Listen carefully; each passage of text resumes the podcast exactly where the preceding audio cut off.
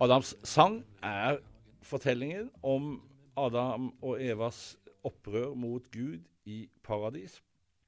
De hadde fått klar beskjed om at de ikke fikk lov til å spise av ett spesielt tre i Edens hage. De kunne forsyne seg av alt annet, bortsett fra et tre som sto midt i hagen og glødet. Det var vakkert og veldig fristende å spise av det. Men Gud sa der går grensa. Ikke spis av det. Dette er kunnskapens tre, og spiser en av det, så får en viten om galt og rett.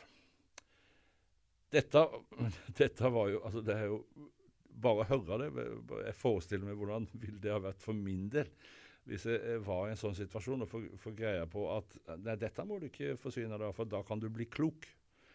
Eh, det hadde gjort et opprør mot selv. Så sånn gikk det. Slangen kom, frista Eva, sa til Eva har Gud virkelig sagt at du ikke får lov å spise dette her? Det er bare tøys. Og Eva tenker ja, altså det er jo det er jo verdt å prøve. Hun prøvde. Hun ga eplet videre til Adam, og vips, så var det gjort. Gud gikk i hagen og ante at noe hadde skjedd fordi at Adam og Eva hadde gjemt seg. Og så roper han på dem og lurer på hvor de er, og så ser han at de er nakne.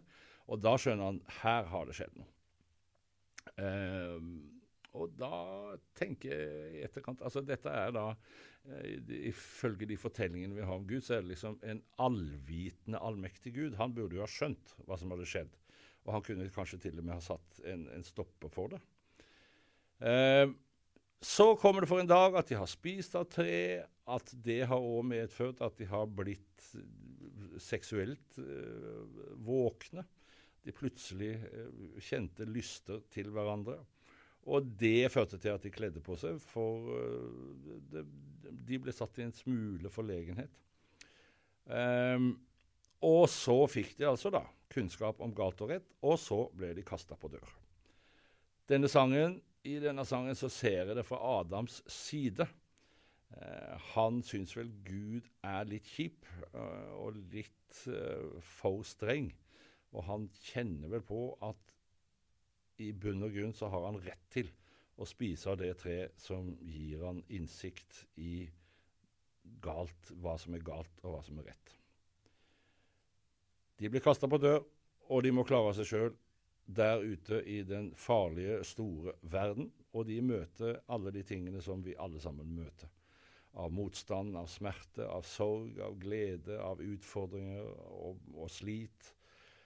Og trøsten her er jo da at de nå nettopp har innsikt i hva som er galt, og hva som er rett.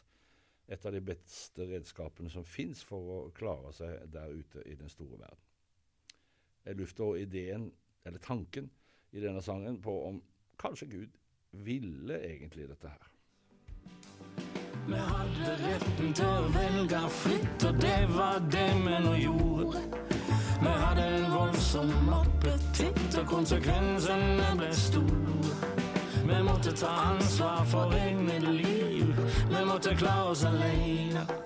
Ta egne valg og få egne perspektiv på hvordan vi skulle leve, hva vi skulle mene.